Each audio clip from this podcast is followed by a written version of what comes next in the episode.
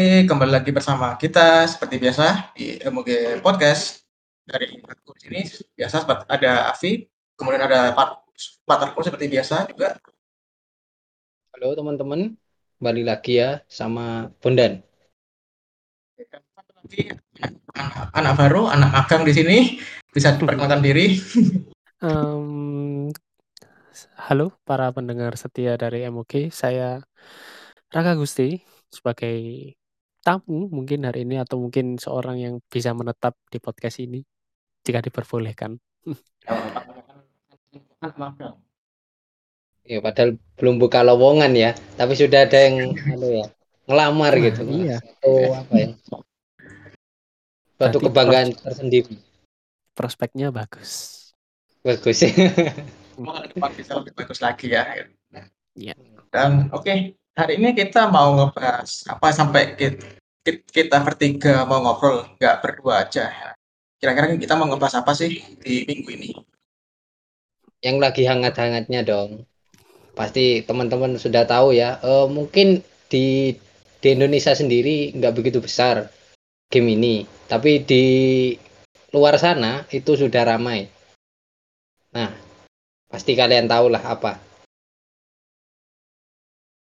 Oh ini gak ada yang ngomong. Ternyata aku kira aku aku aku ngomong gitu ada yang Oh, ngomong itu memancing. Oh enggak, Iya. so- soalnya kalau hangat soal biar dramatis. itu masih belum tahu. Tapi kalau game panas aku tahu. Ya, enggak enggak Iya. bukan game panas sama juga sama temanya tema neraka. Dia belum immoral. Oh, immortal. Nah, iya. Sorry, sorry. Panas. Game panas bukan hangat kalau itu. Iya, panas sekali kalau ini gamenya. Sedang Oh. diperbincangkan hangat. Tidak Hangat. hangat, tidak hangat. Boiling kita ini. Ingat-ingat lah kata boiling pas BlizzCon 2018 waktu gamenya Iya. di announce. Ah, kalian nggak punya HP kah gitu? Hmm. Salah satu announcernya. Iya, out of seasons April Fool's joke. Nah, itu salah satunya. Oke, jadi kita ngebahas Diablo Immortal. Kalau dari kita bertiga sini, siapa sih yang udah main? Kalau aku jujur ya udah main. Oke, tapi first info dulu buat teman-teman. Ini gamenya rilisnya nggak nggak serempak ya. Ini rilisnya tiap region berbeda-beda. Untuk yang rilis pertama di 1 Juni ya kalau nggak salah itu di cuma di itu aja sih di US sama di Jepang. Jadi aku di sini masih main versi Jepang di server Jepang pakai VPN. Jadi kalau teman-teman di Indonesia ingin main ya masih di pre-register ya di Play Store sama di Blizzard sini di PC. Nah, Iya. Iya. kira-kira yang main siapa lagi? Oh, saya, saya juga bermain. Iya, Saya oke, dulu oke. sempat mencoba untuk alpha, beta, dan sekarang saya nyoba main di server Amerika waktu itu. Em, ya sampai awal-awal endgame lah, gak tidak terlalu menyempatkan diri untuk main sampai endgame yang stretching seperti itu, tapi paling nggak udah tahu rasanya Diablo Immortal ini seperti apa. Ya, game mobile best game ya dari Blizzard. Iya. Dan you have dan you guys have fun gitu. Ya. Hmm. Oke, kalau dari Bondan? Aku eh, sudah main beberapa jam, mungkin tiga jam setengah lah, sama di server US. Dan Aku sendiri yang mungkin ada ya di Jepang ya. dari saya sih cuma satu ya, IndiHome kenapa kok selalu itu ya beban gitu. kenapa pingnya selalu beban gitu loh. Padahal ini Makanya cuma main di Jepang aja sama-sama Asia gitu loh. Iya, aduh. Tapi untukku eh, bagus sih ini game. Hmm, kalau menurutku sih bagus. Tapi kita anu kita nanti akan membahas lebih dalam lagi eh, sama teman-teman ini jadi sama Avi sama Raka ini kita akan membahas lebih lanjut gimana sih eh, rasanya terus apa yang dikeluhkan dan bagaimana tanggapan dari playernya itu sendiri. Gitu. Oke, oke. Mungkin bisa dari itu dulu ya. Mas Raka dulu kan main dari free, free, Oke, ya. Sekarang kan Hmm, kalau saya sih ya mulai dari awal, mulai alpha, beta, terus sampai mungkin bisa dibilang final build dari game ini, em, eh, saya merasa ada perbedaan lah antara alpha terus kemudian beta dan juga final build. Yang pertama di alpha sama beta, em, device masih gampang overheat. Itu masalah pertama. Yang di final build ini, em, saya main cukup lama. Device saya oke, tidak ada overheat, tidak ada apa-apa. Baterai aman. Padahal saya memakai device yang tergolong cukup lama, yang mungkin udah Oke oke. 5 tahunan. Terus ada dari beberapa segi ya kemungkinan, mmm, dulu itu seingat saya tidak ada voice acting. Oh, iya iya, oke Ya, oke. terus, mmm, ada beberapa skill yang mungkin di-reward itu. Dari beberapa kelas, mmm selebihnya itu sih seingat saya. Waktu saya pertama kali mencoba alpha, beta, dan, eee, final build ini. Dari segi itu gimana server, ping? Kan main di Server US gitu. Apa ada beda waktu pre-alpha sama sekarang? Server server terjamin sih, bagus. Jadi, ya memang ping-nya tinggi sih, tapi nggak tidak naik turun yang Ya ya. terlalu tajam gitu. Ya Iya. memang tinggi, tapi nggak nggak spiking paket loss gitu, enggak. Oke. Ini leb lebih stabil IndiHome-nya Iya. nih. Pilih-pilih lah tiap daerah gitu. Nah, nah iya itu. Oke, Vi, mungkin dari kamu dulu. Dari Umak dulu Ya. baru aku. Aku mau tanya juga, kalau Raka sebelumnya pernah main Diablo nggak sih? Selain Immortal? Ya, Pernah. hmm. Pernah, Kalau saya bedanya bedanya apa sama yang ini kira-kira? eee, kalau saya dulu main Diablo 1, 2, dan 3. 1, 2 di Oh. PC, ketiga di PS4 yang lebih anu, mmm, 1, 2 feeling-nya ya game RPG yang di mana kita juga dungeon crawling, cari item sana sini. Kemudian masuk ke Diablo ketiga sama, terus kemudian, mmm, kita di mmm, dipaksa untuk end game-nya itu, kita grinding di, mmm, sesuatu yang namanya Greater Rift. Nah, itu kita nge-push yang namanya Greater Rift tower level. Jadi tower levelnya ada waktu itu yang tertinggi 130. Jadi kita bikin build dari gems, dari set, dari weapons, kemudian skill, itu semua kita bikin set apa, build-nya, itu bagaimana kita bisa mencapai, eee, level paling tinggi dari tower ini. Dan kemudian sampai Oke. di Diablo Immortal, mmm, tidak ada perbedaan jauh, tapi yang menjadi masalah itu kembali ke microtransaction yang akan kita bahas di segmen oke. selanjutnya. Oke. Dari aku kalau dari aku tadi kan aku sempet tanya gitu, soalnya kan aku sendiri belum pernah main Dia Diablo series ya. Tapi kalau Iya. main si CRPG sama sama RPG kayak impression-nya dari segi audio sih yang paling bagus, yang paling bikin aku seneng gitu loh. Ngingetin aku ke Dota. Ah. Nah, kan kalau kita nge-kill musuh, kalau kita di-counter, kalau a si musuhnya itu bener-bener gitu loh. Jadi dari seg segi efeknya, kemudian karakter voice acting voice acting karakternya gitu. Jadi jadi tiap tiap ada combo itu meskipun sama-sama level gimmick audionya ini aku yang paling suka sih di Diablo Immortal ini.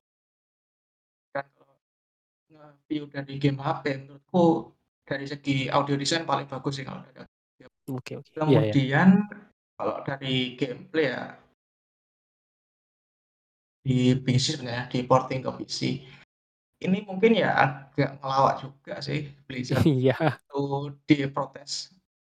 Banyak hal yang tidak diganti sih menurutku dari Iya. porting-an HP ke Iya. PC-nya itu. Game di BlueStack aja sih gitu loh. Lah iya. Sama Ini saja kayak kita main di emulator. main Baldur's Gate kemudian main game serupa yang CRPG gitu, paling enggak kalau jalan itu at pakai klik kanan. Iya, betul. Nah, itu paling familiar lah pokoknya gitu, biasalah. Terus skill-nya juga layout-nya tuh ya ala-ala game C CRPG di PC lah. Nah, di sini nggak ada, jadi jalan tuh bisa pakai. Sama Nah, kayak yang game aneh. TPS sama FPS, aneh jadinya. Iya. Apalagi lay layout-nya yang kayak gitu tambah aneh lagi. Dan kadang bentrok gitu loh. Jadi mouse-ku kadang bisa dibuat jalan juga, kadang WASD bisa dibuat jalan. Jadi kalau aku pointernya tuh kebetulan ke atas, tapi aku mencetnya S harusnya ke belakang itu bentrok jadi jalan jalannya nanti. Itu yang aku permasalahkan sih dari move movementnya. Kalau dari gameplay battle-nya ya cukup bagus sih kalau dari aku pribadi nih. Game sempurna lah kalau game seperti ini, game Iya. RPG di mobile, nggak ada yang bisa ngalahin kalau dari aku. Bahkan kalau seg dari segi Wild Rift yang menu utamanya menu utamanya ada di battle-nya, ada di pas rusuhnya, ini kalau kata aku masih kalah sih sama ini, Diablo Immortal. Kalau dari aku gitu sih. Imersif ya mungkin ya. Iya. Iya, Iya, jelas. Betul. Lebih imersif. Oke, kalau dari aku itu sih. Dari Bondan? Oke, dariku. eh untuk yang aku kan mainnya di HP, jadi aman-aman aja karena ya beta version ya. Jadi sudah apa melalui tahap-tahap yang mungkin dari fixing bugs-nya itu kayak gimana, apa hitnya ke HP itu udah diatasi itu isu-isu kayak gitu udah. Dan ya menurutku sih ini mengingatkanku pada Diablo kedua. Diablo yang benar-benar dicintai para gamernya gitu. Karena Diablo 3 itu apa ya nggak nggak begitu halus gitu loh ketimbang dua padahal eh, grafiknya mungkin lebih lebih enak dilihat di tiga tapi cara mainnya gitu loh kayak ada yang kurang gitu loh di eh, Diablo 3 dan di Diablo Immortal sudah hampir ke kedua meskipun nggak sampai ke sana juga eh, levelnya gitu untuk masalah gameplaynya tapi kalau di aku eh, pasti mas kan kan tahu sendiri kan teman-teman aku sudah pernah buat pengakuan wes pengakuan ya bahwa eh, tanganku sering berkeringat dan itu membuat apa ya arah untuk mem- mengeluarkan skillnya sering salah gitu. jadi langsung noob Oke. gitu gitu jadi eh, mungkin eh, apa ya ini nggak ada yang salah dengan gamenya yang salah ini dengan saya. Tapi untuk semuanya sih bagus. Eh, nggak clunky juga. Nggak ada masalah sih untuk gameplaynya. Bagus. Eh, ini kalau menurutku sih lebih ke Torchlight mungkin kalau aku. Nggak nggak ke ke Diablo 2 nya sih. Masih nah tapi udah apa ya? Udah islandnya gitu loh. Tapi mengingatkanku pada Torchlight ini dari apa ya dari gambar mungkin dari eh, gameplaynya gitu. Oke lalu eh, Avi eh, ngomongnya tadi eh, karena ini termasuk game yang ada di PC dan juga HP jadi kalau di PC apa gambarnya atau grafiknya itu nggak kayak PC gitu loh masih kayak di HP ya jangan kaget gitu loh. Kan kita kan sudah dikasih game yang serupa kayak gitu di eFootball 2022 jadi nggak nggak usah teman-teman nggak usah apa kaget gitu. Wah ini kayak gini kayak ini ya di eFootball 2002 ya kayak gitu hancur. Jadi ya diterimalah ini masalah eh, grafik gitu ya. Tapi untuk di HP cakep. Kalau menurutku cakep. Mulai dari apa ya animasinya. Kalau aku kalau aku lebih suka animasinya. Karena eh, pas kita pakai kalau kita pakai senjata apa ya model kayak rantai gitu apa ya bagus aja gitu loh. Pas dia muter-muter rantainya bagus. Itu sih kalau aku lebih ke animasi suka banget aku dengan gamenya. Mantap positif sih menurutku. Em, kan tadi Mas Bondan ngomong soal Torchlight. Em, Iya. beberapa waktu lalu aku coba sempet nyoba Torchlight Infinite betanya yang di HP. Em, kalau tak bandingkan sama betanya si Diablo. Diablo Immortal, itu terkesan lebih bagus dan lebih terpoles Diablo Immortal. Karena di Torchlight Infinite em, variasi monsternya cuma sedikit. Kemudian dari sound effect juga kurang. Dan em, progression system yang masih dipertanyakan. Dan satu hal yang bikin aku kecewa itu mudah banget bikin overheat device itu. Ya Tapi mungkin kalau karena ini beta. misalnya ah, soal monster kalau kataku di Diablo Immortal nih aku jujur ya agak bosen sih dari variasinya. Jujur aja aku agak, agak bosen sih. Nah, bukan variasinya lumayan banyak Bukan soal banyak, kalau dipikir-pikir musuhnya itu palingan ya cuma laba-laba, tengkorak, sama serigala, udah itu aja. Dan divariasi divariasi lagi. Tapi Ya, ya nggak tahu lah, ini namanya kan nggak beta, mungkin kan ini game online kan ini, nggak nggak tahu nanti bakal diupdate lagi. Tapi kalau dari aku pribadi, kalau misalnya ini nanti full release di semua negara udah fi- final build di Juni tanggal 22 kalau nggak salah. Kalau menurutku buat starter agak bosan sih buat di awal-awal karena di tiga world awal itu monsternya benar-benar stagnan sih, bosan nih. Aku juga jujur bosan sebenarnya. Kalau dari segi setting nggak jelas. Kan aku juga suka setting dark dark fantasi gitu. Cuma dari masalah monster aja, monster aja sih yang bosan nih kalau dari aku pribadi. Ya, kalau Anda ngomongnya eh, Diablo Immortal monsternya bosen nih, Anda main Di Torchlight Infinite Torchlight. bakal lebih membosankan lagi. Ya, pasti Karena gitu. em, desainnya tidak menarik, monsternya sedikit, dan tidak didukung oleh sound effect yang bagus. Nah, itu. Udah. Oke. Apa ya, Oke. Torchlight itu oke. versi B-Tech-nya gitu ya. Iya. Z-Tech-nya mungkin. ya tapi, Tapi tetap kalau apa ah, untuk Torchlight memang nggak apa ya, bukan untuk penggemar untuk buat yang bisa fokus gitu loh, cuma main-main aja gitu loh. Jadi kan eh, nggak kayak Diablo kayak monsternya itu bosnya itu susah, enggak, enggak kayak gitu. Jadi untuk ya bener kata masyarakat tadi bahwa suaranya sih yang paling jelek sih, jauh dari Di- Diablo Immortal yang jauh. Kalau menurutku suara dari suara jauh. Terus semuanya ya kayak minus-minus semua sih. Tapi kalau buat Heaven aja sih masih bisa dimainkan Masih untuk bisa. Mungkin main sama temen-temen apa Nah, motor bareng itu masih bisa. Ya, kalau di kesimpulan sih dari aku lihat dari studionya sih. Ini studio triple triple E loh. Iya. Pertama kali Dan- studio triple E itu bikin Ah. game mobile dan niat gitu. Ya ini jadinya ya ini. Dan mereka itu announce-nya 2018. Dan time gap 2018 ke 2022 ini lumayan jauh loh untuk memperoleh sebuah game. Dan hasil Ya. akhirnya ya bagus. Aku harus akui gamenya bagus. Polish Ya. banget. Ya tapi kan ya tahu sendirilah Blizzard kan kemarin-kemarin ada masalah internal. Iya. Kalau kataku kalau nggak ada masalah ini 2020 sih dirilis tapi ya termasuk bagus sih kalau menurutku.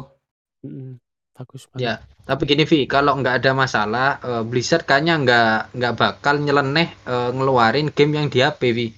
Menurutku masih stay di PC karena player base-nya itu di PC.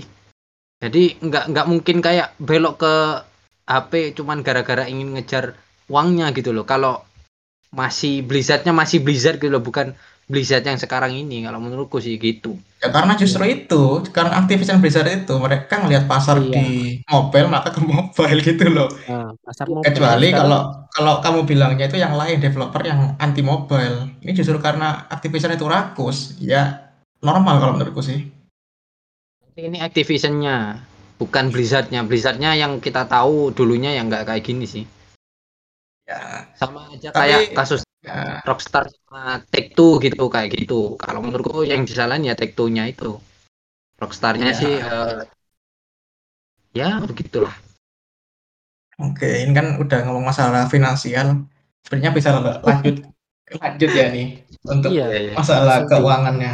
disambungkan. Oke. Nah ini kan Ini seru. Nah, ini seru bener seru. Ini kan Seru. kita semua setuju lah kalau gameplay dari Diablo Immortal ini kita suka. Bagus. Bener-bener. Top. Apalagi apalagi dari aku aku bukan fans Blizzard. Kemudian Raka sama Fodel kayaknya juga ya bukan fans Blizzard. Jadi kita di sini nggak ada bias apa-apa. Tapi kalau kita main pribadi tiga-tiganya nih suka ya kan, benar-benar suka ya sama gameplaynya. Ya mungkin kalau aku mau ngasih rating mungkin 9 dari 10 untuk gamenya. Nah itu, Semudah itu. nah Bagus. udah keluar ratingnya itu. Bagus. Jujur. Delapan setengah lah. Kalau aku delapan setengah lah. Minus di apa ya mungkin? Eh mungkin dari apa storynya sih kalau aku masih belum nangkep masih tiga jam tiga jam setengah masih belum nangkep Delapan setengah. sama sih kurang lebih. Tapi apa ya? Kalau aku jadi petingginya Blizzard, Activision Blizzard, kalau aku mau bikin game free to play sama gameplay sama sound yang bagus, ya paling nggak story yang aku korbankan sih. Jujur aku juga nggak tahu storynya ini apa. cuma mau ngejar orang lah. Kalau dari timeline sih kalau katanya nih antara Diablo 2 sama 3 sih. Cuman aku kan udah lagi aku nggak main seri Diablo. Tadi aku juga ya gak terlalu peduli sama story-nya sebenarnya. Tapi ya game free to play HP menurutku ya udah oke sih ini. Nah, tapi kalau ngomongin free to play pasti kan nggak jauh dari kata itulah microtransaction. Iya. Kayaknya Betul hal umum lah game mobile ada micro microtransaction. Saya Iya, sudah dulu. kita ngomongin kalau rating ya nggak sih aku nggak nggak mau bilang rating kalau aku. Oh Tapi iya iya. ya udah bagus gitu aja. kalau ngomongin soal microtransaction, saya sudah menyiapkan catatannya. Oke. Ini yang mulai Oke. panas ini. Panas ini, ini. ini. Oke, dan kalau gitu dari aku dulu ya kalau gitu ya. Oke, oke, silakan. Oke, aku Untuk masyarakat se- Oke ya. Kalau dari aku pribadi dari level 1 sampai ke aku level 32 33 ini aku lupa. Itu nggak ada masalah sebenarnya. Meskipun sesulit apa musuhnya, aku jujur belum pernah mati, belum pernah retry. Kalau dihitung mungkin ya karena DC disconnect itu aja. Tapi kalau dari musuh bos kemudian ke dungeon nggak ada mati sama sekali. Tapi yang jadi masalah kalau dari aku udah ngerasa ini agak-agak visi, agak-agak nggak bener waktu masuk ke level 30 ini. Di mana waktu daily itu se- seenggaknya ada sekitar 6 atau 8 dungeon yang harus dimainkan. Meskipun nggak harus sih, tapi harus dimainkan karena apa? Di sana ada drop equipment. Nah, di sana equipmentnya itu bisa le- legendary. Sedangkan kalau progress story itu dapat legendary itu mungkin cuma sekali dua kali. Aku aja jujur build sekarang ini agak lumayan karena semuanya dari dungeon itu. Dan ada lagi satu dungeon aku lupa nama riftnya itu harus pakai crash. Jadi kayak semacam batu crash itu ada tiga slot. Jadi kalau semakin tinggi ra- rarity dari apa namanya crashnya, nanti dapat item di dungeonnya le- lebih bagus. Dan mau dapatin legendary crash itu harus pakai uang sendiri, nggak bisa dapetin dari dungeon ataupun dari boss. Kalau aku masalahnya di itu sih. Oke, kemudian Mas Raka mungkin bisa menambahi. Kalau saya ngomong terus bisa panjang ini. Mungkin Mas Bondan dulu, soalnya yang harus saya bicarakan juga panjang sih. Ya kita Panjang. atur-atur lah biar biar biar nggak terlalu panjang gitu loh. Iya, betul. Jadi ganti-ganti gitu. Siap. Oke, menurut aturan microtransaction ini kalau di server Asia sendiri, eh, buka- bukan server Asia, game-game di Asia sendiri online-nya itu ya kayak gini sih microtransaction-nya udah udah jahat lah dari dulu. Dari jadi menurutku teman-teman yang di Indonesia terutama main game-game online Indonesia itu biasanya nggak kaget sih kalau yang kayak gini. Cuma yang di sini yang eh, sudah bejat ya katanya. Ka- Kalau menurutku sih eh, lebih ke bejat itu eh, ini tuh kayak eh, teman-teman kalau ingat masih ingat kalau ada yang namanya saga itu ada misi di mana kamu akan mendapatkan eh, hero permanen tapi kamu harus login selama satu tahun. Satu tahun tanpa ada jeda. Itu sama kayak kayak eh, di Diablo Immortal jadi kalau kamu beli eh, game pass-nya ya kalau nggak salah itu jadi dia beli tapi kamu harus login terus supaya nggak hilang itemnya ini supaya nggak hilang. Ini termasuk bejat ini kalau menurutku. Microtransaction apa? Kamu udah bayar tapi kamu harus kamu ada waktu. Tapi Diablo Immortal ini nggak nggak bisa kalau menurutku. Ini termasuk cukup susah ketika di level-level atas. Eh, mungkin dari kayak AV itu masih 1 sampai 30 masih gampang. Tapi kalau yang di atasnya lagi itu mulai susah. Dan biasanya kita akan branding untuk eh, mendapatkan apa gitu loh. Tapi kan di sini ngelut ngelutnya itu nggak pakai nggak pakai uang di dipermasalahkan. Cuman kalau ini sih masih apa ya masih umum lah kalau di game-game Indonesia gitu loh kalau menurutku. Tapi yang jadi masalahnya itu itu tadi harus online terus itu yang susah Eh, dan juga ini ya eh, apa ya harganya mungkin ya. Karena pakai kurs eh, luar jadi benar-benar harganya itu udah selangit. Itu itu aja sih kalau menurutku. Bejatnya itu aja. Oke langsung ke Mas Raka ini karena ultimate-nya di sini. Oke, em, saya melanjutkan dari perkataan Mas Afi tadi. Em, untuk mendapatkan equipment-equipment bagus, kita perlu masuk ke yang namanya Elder Rift. Ah, iya itu Betul? aku aku Ya. lupa namanya itu. Ah, Nah, iya. untuk masuk Elder Rift kita bisa men-slotkan memasukkan 3 buah crest. Kalau kita free player, kita dapat rare crest yang warna biru, itu bisa kita masukkan 3. Nah, kalau kita seorang, mmm, whale atau spender atau orang yang mengeluarkan uang, kita bisa menggunakan yang namanya legendary crest. Kita masukkan 3. Nah, mmm, jeleknya Blizzard, kita masukkan 3, nanti di bawahnya keluar 7 slot lagi, itu. Oh, nambah malah ya? Aku nggak Nambah. tahu soal ini. Itu itu jeleknya Blizzard. Itu, mmm, kalau kita masukkan 7 lagi kan jadinya 10. Kalau kita masuk store, itu harganya yang bisa kita beli dengan secara langsung 1, apa, maksudnya, mmm, secara bundle itu bisa kebeli, itu yang 10. Kalau kita mau beli yang 3 itu uangnya kurang, kalau yang beli 5 uangnya kurang, kalau yang 10 uangnya pas lebih sedikit, itu. Oke, trap-nya di sana berarti Heeh, ya? trap-nya di situ dan kemudian free player itu sebenarnya bisa dapat legendary crest ini, oke. Bisa Iya, mereka oke. bisa dapat dari, mmm, battle pass-nya, mereka bisa dapat dari salah satu merchant-nya, tapi ada yang harus digarisbawahi di sini. Oke, ah. Legendary crest yang didapatkan oleh player itu legendary crest biasa, sedangkan yang dibeli oleh para spender itu namanya eternal legendary crest. Premium. Oke, jadi Nah, lebih premium lagi gitu ya? Nah, perbedaannya kalau yang free player ini, item yang mereka dapatkan dari Elder Rift ini bound ke karakter mereka. Nggak bisa dijual, nggak bisa diapa-apakan. Oke. Sedangkan yang spender itu itemnya bisa dimasukkan market, bisa mereka jual, bisa mereka apa-apakan. Nah, jadi permasalahannya di situ, tidak tradable. Terus kemudian menyangkut ke masalah subscription tadi. Subscription tadi yang kita harus login 1 bulan. Mmm, iming-imingnya Blizzard bagus, kita login 5 hari dapat legendary crest. Tapi kalau kita tidak login 5 hari, lalu besoknya login lagi, itu ke-reset dan kita tidak dapat apa, item yang waktu kita tidak login itu. Dan juga ada stretching yang 30 hari full itu harus dapat item ini, jadi kita tidak bisa dapat. Nah, itu katanya Mas Bondan jeleknya di situ. Dan, eee, main games-nya dari Blizzard ini cukup bagus. Mmm, pada setiap dungeon selesai, yang pertama yang saya ingat itu habis melawan Leoric, itu dungeon paling Oke, awal ah. sendiri heeh, itu kalau sudah selesai dungeon, pasti pasti kalian dapat yang namanya, eee, purchase screen dan di situ kalian dipilihkan, mmm, kalian ha bisa membeli apa, chest ini value-nya segini, harga segini, khusus untuk dungeon ini, itu. Oke, ah. Itu main games-nya mereka di situ dan mereka juga memberi iming-iming berupa, "Wah, tak tempelin 800% value." Padahal ya nggak ada value-nya sama sekali. Yang mereka dapat cuman orb yang ha harganya pun sama waktu kita beli di store shop-nya biasanya itu, tidak ada perbedaan sama sekali. Mereka cuman menempel angka sesuka mereka 800, 500, 400 itu main games mereka. Karena mereka ingin menarik pembeli dengan menempelkan har apa, mmm, persenan-persenan itu. Itu yang jelek dari mereka. Oke. Ini kayak marketing gitu ya? Iya, marketing. jadi Oh, dari kan apa tadi, Raka itu bagus sih. Aku juga mau nyambung tadi itu soal Raka.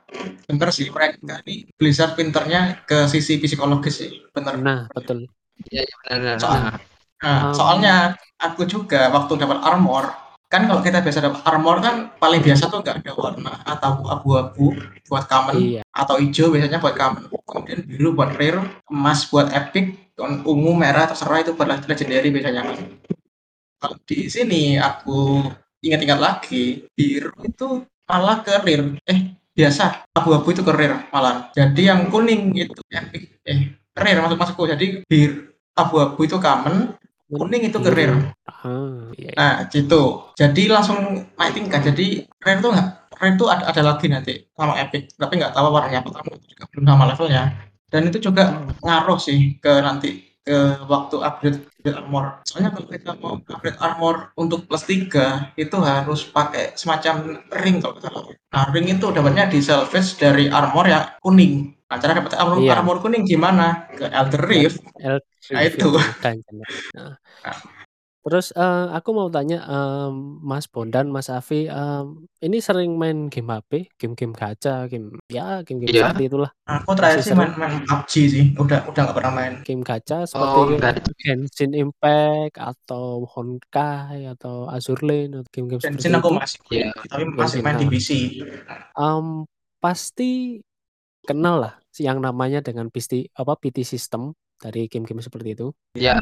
Nah, untuk Legendary Crash, ah, kembali lagi ke Legendary Crash ini, eee, Yang ada ya. heeh, ada yang namanya PT system juga di sini. Jadi, setiap player yang menghabiskan 50 Legendary Crash, mereka itu tuh dapat PT system, dapat 5 star, dapat ya 5 star Legendary Gems. Tapi Legendary Gems ini dimulai dari 2/5, 3/5, 4/5, dan 5/5. Jadi Oke. kalau PT ya kemungkinan besar mungkin dapat 2/5, 3/5. Untuk 4/5 dan 5/5 ini masih nggak tahu chance-nya berapa, itu kecil banget untuk di PT-nya itu.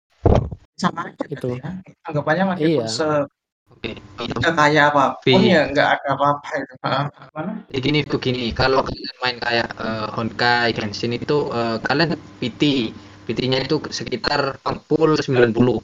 Jadi ketika 90 kalian dapat PT, nah pasti kan itu bukan Iya, ada karakter itu. Jadi bisa si ada PT, tapi syarat gini ini eh, termasuk ngerusak ini kamu. Tapi ini pinter di Blizzardnya. Eh, jadi kayak eh, tadi itu Mas Raka bilang bahwa eh, ada apa ya kayak marketing di mana kita itu eh apa tadi aku lupa sampai ya nempel-nempel value 800% berapa persen. Itu kan dari Ya, segi gitu.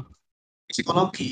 Iya. menurutku ya itu tadi dari semua gamenya kan di ke- keseluruhan game bukan hanya di Dan di shopnya aja. dan aku dapat bocoran sih sebenarnya. Em, mereka untuk game design mereka, mereka lebih memilih untuk mengambil orang psikologi daripada orang yang berdasarkan dari game design. Karena apa? Mereka ingin mengimplementasikan hal-hal seperti ini. Itu itu masalahnya di Blizzard. Ya jelas kalau itu ya benar sih masuk akal kalau itu itu. Iya, Tapi apa yang ngaruh? So- so- soalnya kalau dari aku pribadi, Diablo ini kan sebenarnya franchise yang udah lama kan, udah klasik gitu loh, udah klasik lah gitu. iya. Jadi player base-nya kalau menurutku tuh pasti di atas 30 tahun lah kalau, kalau dari aku pribadi. Dan 30 tahun ke atas tuh menurutku mindset-nya tuh udah mateng gitu loh. Apa yang ngaruh gitu loh, apa yang bisa dibodohi sama namanya psikologi desain ini. tapi gini Vi kalau sudah namanya udah cinta ya meskipun Nah. dia game tetap dilakuin Vi. Karena memang sudah fans berat gitu loh. Contohnya ada aja Diablo 3 itu udah nyimpang jauh loh dari Diablo 2 meskipun ada peningkatan grafik dikit gitu loh. Tapi Iya. dari keseluruhan ya udah nyimpang. Tapi tetap banyak yang beli bukan banyak ya hampir keseluruhan ya beli. Meskipun ya rata-rata banyak yang cuman beli untuk dicaci maki gitu. Ada yang kayak gitu. Tapi tetap dibeli. Nah ini masalahnya orang-orangnya ini kayaknya sih masih beli gitu loh. Meskipun yang eh, mungkin awalnya aku cuma beli ini aja nggak nggak mau lain. Akhirnya dia kayak psikologi itu akhirnya kayaknya oh ini kayaknya lebih murah ini dapat apa crash itu daripada di shop. Karena di shop harganya cuma eh, 10 dolar gitu. tapi di crash Iya. ini aku dapatnya 5 dolar. Tapi kayaknya ya emang 5 dolar itu eh, harga Iya. aslinya. Cuman ya, untuk perbandingan aja gitu kayak gitu Iya, sih. iya bener juga sih kalau ngincar di atas 30 pasti kan punya udah udah udah kerja. Iya. Wellernya pasti banyak sih kalau dari aku ini. Banyak. Spendingnya mungkin per Banyak. bulan tuh 1000 dolar bisa kalau kalau, kalau itu ya sih dari aku pribadi. Em, yang aku dapat info kemarin, eh, gross estimate orang per bulan yang dihabiskan untuk Diablo Immortal ini antara 1.700, 1.500 segituan lah per bulan estimasinya. Satu itu. Dan itu, Dan itu juga eh, masih apa-apa. belum dapat item bagus loh itu segitu itu. nah, Ya, itu, itu tadi sistem RNG-nya gacanya tuh ketat ya Diablo Immortal kalau aku lihat-lihat. ya. nah kalau ngomong-ngomong item bagus, em, di Diablo kan identik dengan yang namanya sayap. Nah, di Diablo Immortal ini ada, tapi kita nggak bisa cuman cari dapat sayap, enggak. Di sini kita harus mengupgrade, upgrade legendary gems kita untuk mencapai sebuah tier dan nanti di tier tersebut kita dapat yang namanya sayap. Nah, untuk yang tier 1 em, mungkin bisa dapat kalau kita nge-spend 20 dolar atau 300 ribu lah. Terbilang cukup rendah dan untuk tier yang paling tinggi ini cukup mengejutkan. Um, mau ada yang menebak siapa? Mungkin di atas 300 lah. Ya, udah 300 dolar. 300 Oh, aku jutaan kalau aku menurut sih menurutku jutaan ini harganya. Jutaan dan ratusan dolar.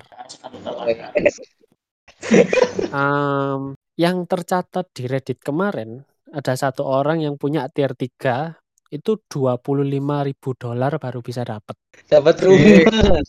Dapat rumah. mobil. 250 juta atau 400 juta lah itu kalian Juta. dapat sebuah sayap Virtual juga. virtual pixel Oh, Dan juga-. Lumayan kalau gitu. dan juga kemarin ada beritanya eh, seorang streamer dari New Zealand yang nge-spend 10.000 dolar tanpa dapat satu five star legendary gem sama sekali.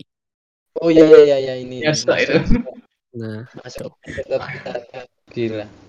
Oke. Eh, bisa tambahin dikit gak masalah sayap? mu Nih. si- silakan silakan. Oke. Nah, jadi eh, kalau menurutku eh, sayap ini sudah ada di eh, game-game online Indonesia sejak dari dulu, sejak dari dulu. Makanya Pasti kalau, kalau dari aku pribadi, sayap itu kayaknya jadi, jadi item orang kaya buat game MMO sih kalau dari aku dari dulu itu. Gak hanya gak hanya RPG loh. Nah, heeh. Iya, sayap itu Sayap tuh meskipun tier jelek tapi anggapannya tuh jadi tiernya orang kaya itu loh di game-game online gitu kalau dari aku. nah, Nah itu itu yang mau aku ngomongin gitu. Jadi eh, untuk sayap ini udah lama diterapkan. Mungkin ini eh, jadi kayak apa ya? Blizzard itu mulai kayak mencontoh eh, contoh. kelakuan dari game online di Asia kalau menurutku. Karena kalau dari Asia udah dari dulu narepin kayak gini supaya kita tahu bahwa sayap itu kayak membuat kita lebih keren, lebih sangar, lebih menambah stat mungkin.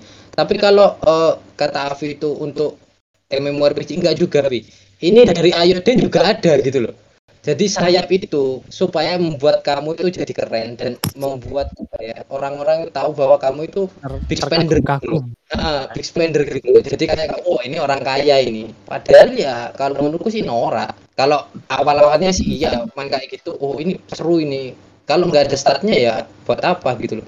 Contohnya aja di PW. Di PW itu cuma nambah eh, HP 100, attack cuma nambah 10, speed cuma nambah 10, tapi dia bisa terbang. Efek gitu loh. Jadi travelingnya lebih lebih cepat gitu loh. Tapi harganya udah 900 naik dikit di upgrade dikit jadi dua setengah juta ngapain gitu loh karena eh, kita bisa beli kuda yang mana kudanya cuma harganya 150 200 itu masih mending sama jalannya sama cepetnya sama cuman dia eh, mungkin di atas gitu loh kita di bawah gitu jadi kayak apa ya memiliki sayap itu kayak membuat kita psikologinya kita kayak oh ini game yang eh, kok game item yang bisa buat kita itu lebih apa ya lebih meningkatkan prestis itu loh kayak kamu di Hmm. dunia nyata kamu sudah jadi PNS gitu loh kayak berseragam gitu loh kayak Oke, gitu. oke. Iya sih masuk sih, ah, setuju. Tapi ya agak kaget juga sih. Kalau ternyata dia dulu itu masih nerapin sistem yang udah usah kalau dari aku pribadi. Itu kan era game 2005-an gitu. Iya. masih Masih baru ada lagi. di Eropa masih mungkin baru gitu loh karena di sini udah biasa mungkin di Eropa masih baru makanya kan eh, gamernya yang eh, sehat kan Eropa termasuk eh, microtransaksinya yang sehat jadi ya kaget kayak gini oh ini rakus ini rakus ini Eh, kalau di Ini- gamer Indonesia first time gitu Ini aku dapat juga artikel, baru dapat artikel. Dia dia Blizzard tuh ngerilis artikel di mana aja apa player base sama spending mereka. Kebanyakan itu di US, di Amerika itu 43%. Sisanya itu di Asia, cuma 12 12 persen. Jadi ya itu tadi Korea, ya, Korea. Ya itu tadi berarti orang Amerika aja yang apa namanya ya munafik itu loh. aku kaget aku waktu ba- baru aja baca nih. Ya agak kaget soalnya yang nolak orang Amerika tapi ya big spendernya juga orang Amerika gitu loh. ya karena belum tentu orang yang nolak itu yang nggak melakukan sama sekali gitu loh kayak guilty pleasure-nya itu ada gitu loh jadi dia tetap ngeluarin tapi tetap protes gitu Oh, Oh iya, oh iya, oh iya ya. Ini, ini ingat-ingat. Aku juga baru ngomong soal tadi soal Game Pass. Menurutku apa ya? Ini narik player banget sih kalau. Kalau ngelihat di orang-orang juga ngelihat YouTube kemudian di web.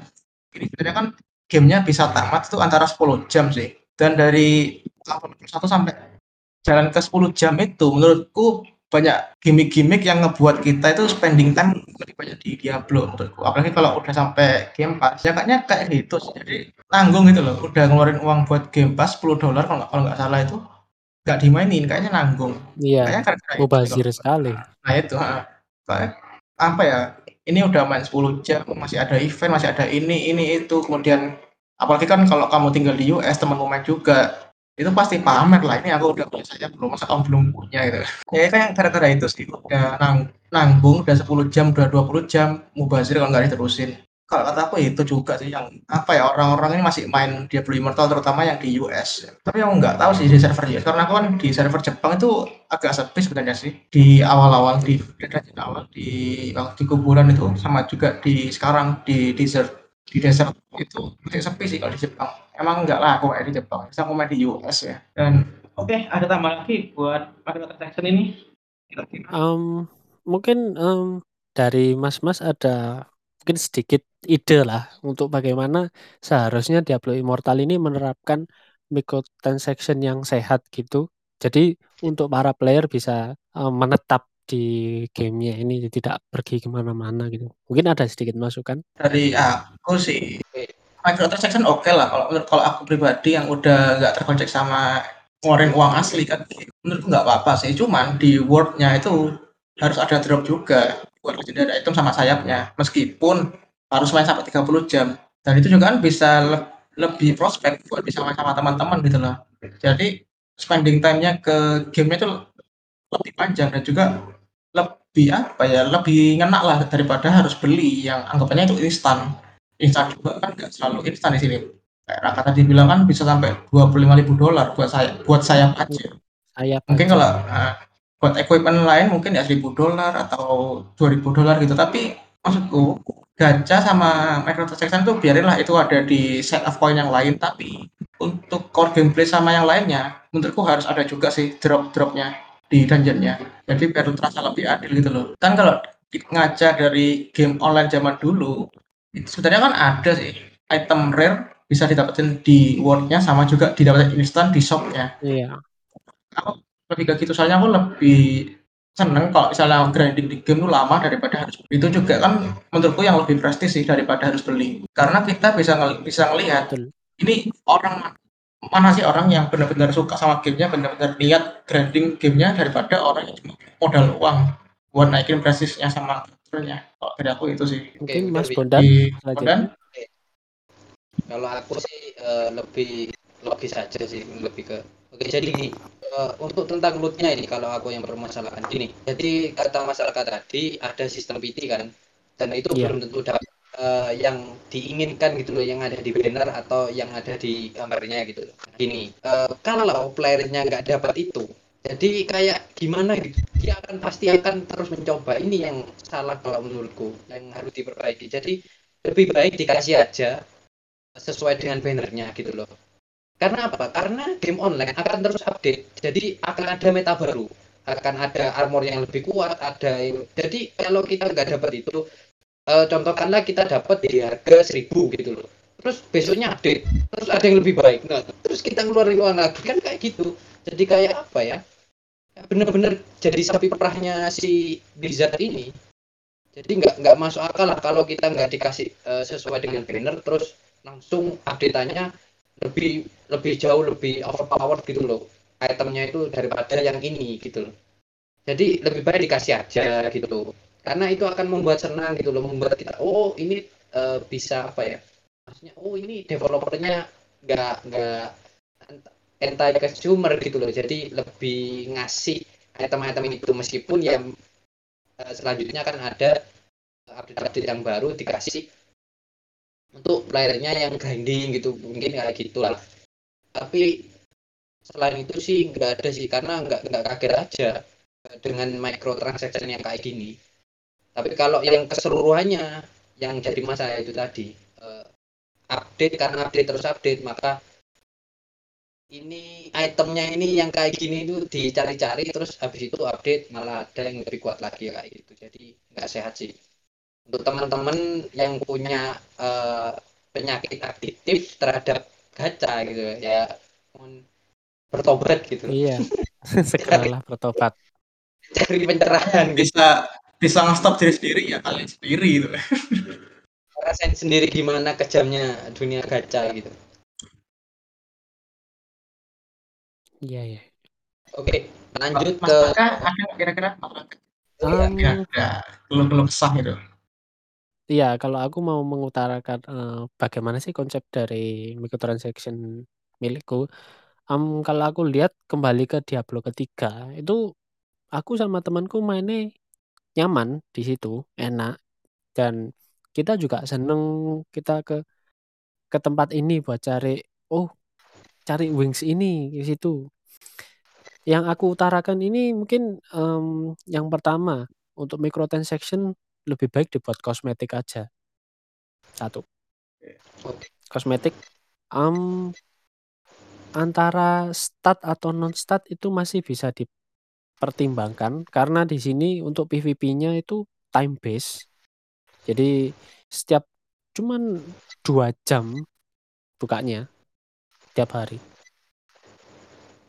Jadi seperti itu. Kemudian ada yang namanya pet karena di Diablo sebelumnya ada pet. Itu mungkin bisa dipergunakan di sini.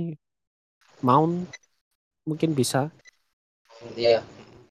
Kemudian um, mungkin hilangkan yang namanya um, pembelian legendary crash itu tadi. Karena satu, intinya main Diablo itu apa sih? Kita ngelawan bos, ngelawan oh, bos dungeon yang ini, Elder Rift. Yang bikin euforia itu apa sih? Kita lihat dropnya keluar dari bosnya sebanyak gitu itu kita bikin seneng. Nah itu, itu yang bikin kita kembali lagi main Diablo kembali kembali kembali. Itu kopiumnya main Diablo itu di situ. Jadi kalau uh, player tidak bisa merasakan hal seperti itu, ya inti dari Diablo itu apa? Hilang sudah nggak ada. Itu permasalahannya. Jadi ini membatasi player untuk merasakan apa yang seharusnya bisa dirasakan dari game itu.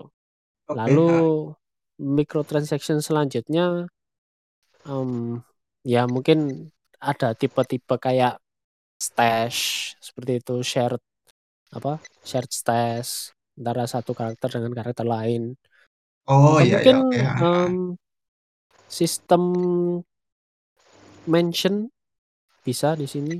Jadi kita punya satu karakter yang nanti XP-nya bisa diberikan ke karakter lain gitu yang ada di dalam mention tersebut. Jadi um, mungkin kita punya lima karakter, ada satu karakter yang difokuskan dan empat karakter ini nanti di mention.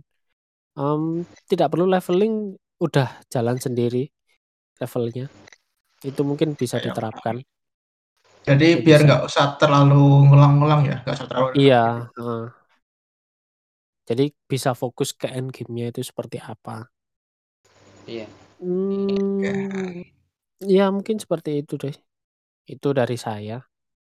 Karena okay. saya juga mau mengambil dari yang um, microtransaction-nya yang saya anggap sehat, yaitu dari game-gamenya Valve, CS:GO, Dota itu terlihat cukup tenang dari segi oh, microtransaction-nya. Karena mereka memiliki ekosistem tersendiri dan banyak diakui bahwa Valve pinter. Mereka menarik konsumen untuk spending uangnya pinter. Oke, oke. Oke, kalau gitu apa ada tambah lagi, Bondan? belum masuk ke bahasan terakhir respon dari uh, masyarakat tadi untuk mention ini ini bagus ini dari masyarakat di cemerlang sih belum dulu karena gini yeah. kan kan free to play kalau kita uh, ngeluarin uang paling enggak kita ngurangi hal yang satu lagi yaitu apa ya ngurangin waktu kita gitu loh jadi kalau hmm. kita grind nggak ngeluarin uang tapi kalau kita ngeluarin uang jadi nggak grinding gitu loh bener sih ini ini ini ini cocok ini Nah, untuk yang masalah yang Valve itu itu kosmetik ya ini yang paling sih kalau menurut karena apa? Harganya itu naik turun. Jadi kita Nah. mesti bisa beli eh, harga di mana? Eh, mungkin 15.000 eh, terus bu- satu bulan kemudian turun jadi 3.000 tapi mungkin tiga bulan lagi naik gitu jadi 35 jadi masih ada yang apa masih untung gitu loh. Jadi nggak nggak rugi kayak udah beli item ini habis 90 juta kayak gitu. update lagi ternyata lebih overpower ini nggak akan jadi OP lagi gitu loh. Eh, anu, karena bukan kosmetik karena ini nyangkut stat gitu. Jadi nggak akan di apa di reward di reform nggak nggak mungkin sih kalau menurutku. Pasti ada patch yang baru lagi untuk masalah item jadi eh, bisa ke mencontoh ke Valve itu untuk ada yang kosmetik atau mungkin bisa apa ya ada dua-duanya kosmetik dan ini. Jadi player itu yang masih mas, masih berpikir berpikir masuk akal itu bisa cuman beli kosmetik aja. Nggak nggak perlu beli. Yang tapi tetap lootnya harus diperbaiki sih kalau menurutku tuntutannya Iya, betul. itu Oke, ini udah lumayan panjang ngobrolin soal microtransaction-nya karena ya itu tadi ini yang paling hangat lah, paling panas gitu. Kalau Paling sekarang immoral. di nah, paling immoral lah, nggak ada moral emang Blizzard nih.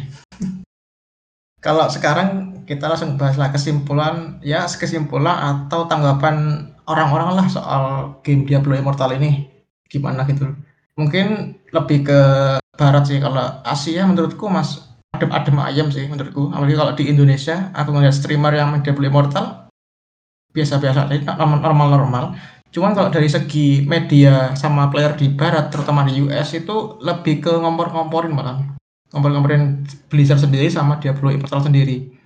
Bahkan di Metacritic sendiri Diablo Immortal itu yang paling bawah ratingnya di 0,4 gitu. 0 0,3 sekarang. Oh turun lagi alhamdulillah. Iya, setara dengan NFL Madden 2022. Oke ya itu.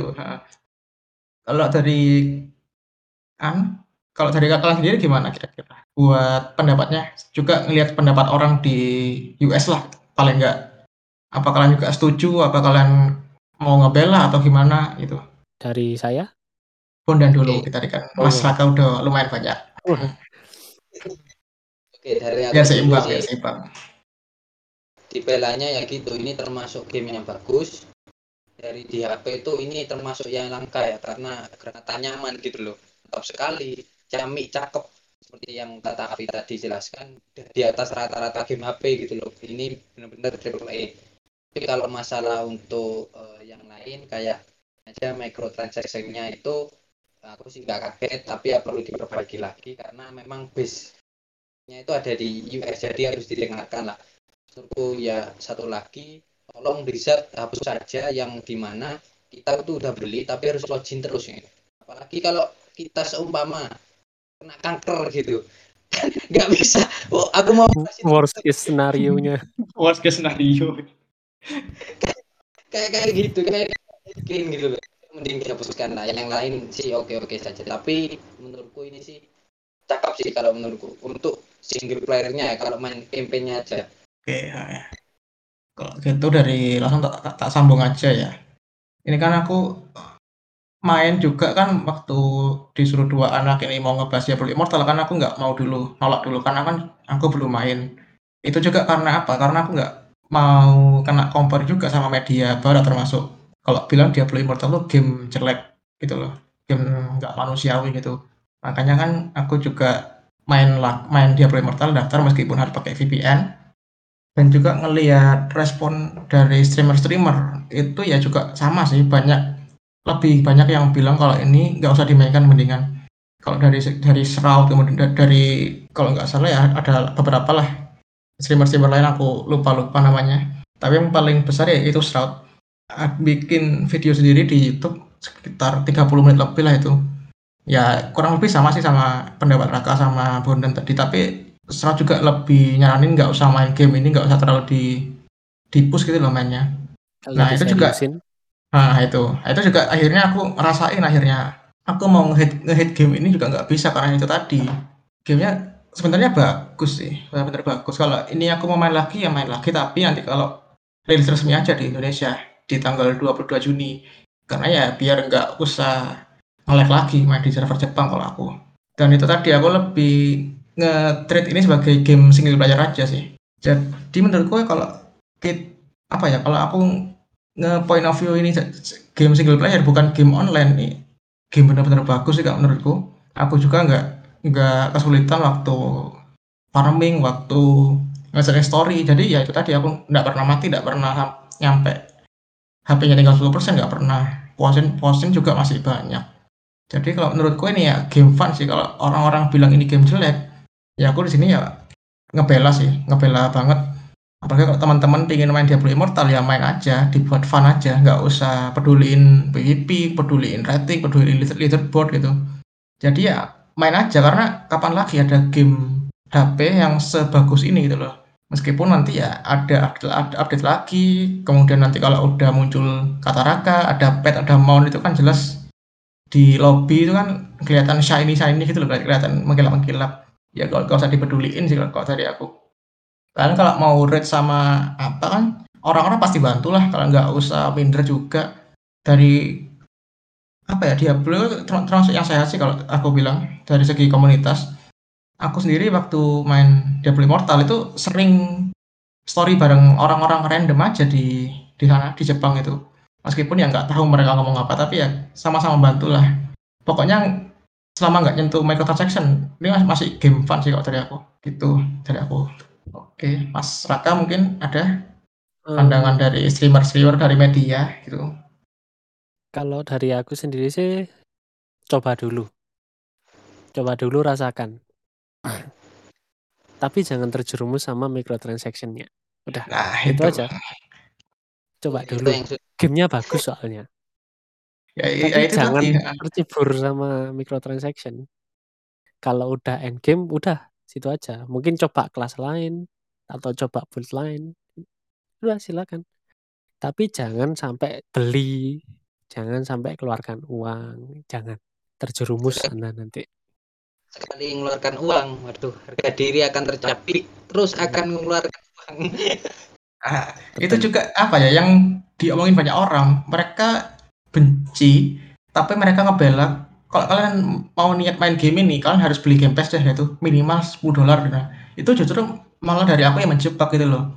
Karena game pass sendiri nggak menjamin gameplay sama meta kalian yang kalian percaya itu jadi beneran meta gitu loh.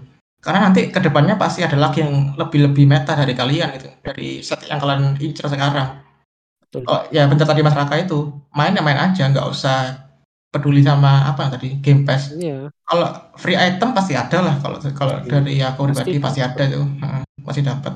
Saran dari saya ya, saya um, terutama saya lihat yang namanya John Strafe Hayes itu itu salah satu reviewer MMO yang saya sukai, saya ikuti. Iya dia juga bilang mainkan gamenya dulu, rasakan gamenya bagus tapi jangan spending udah itu aja pesan dari dia.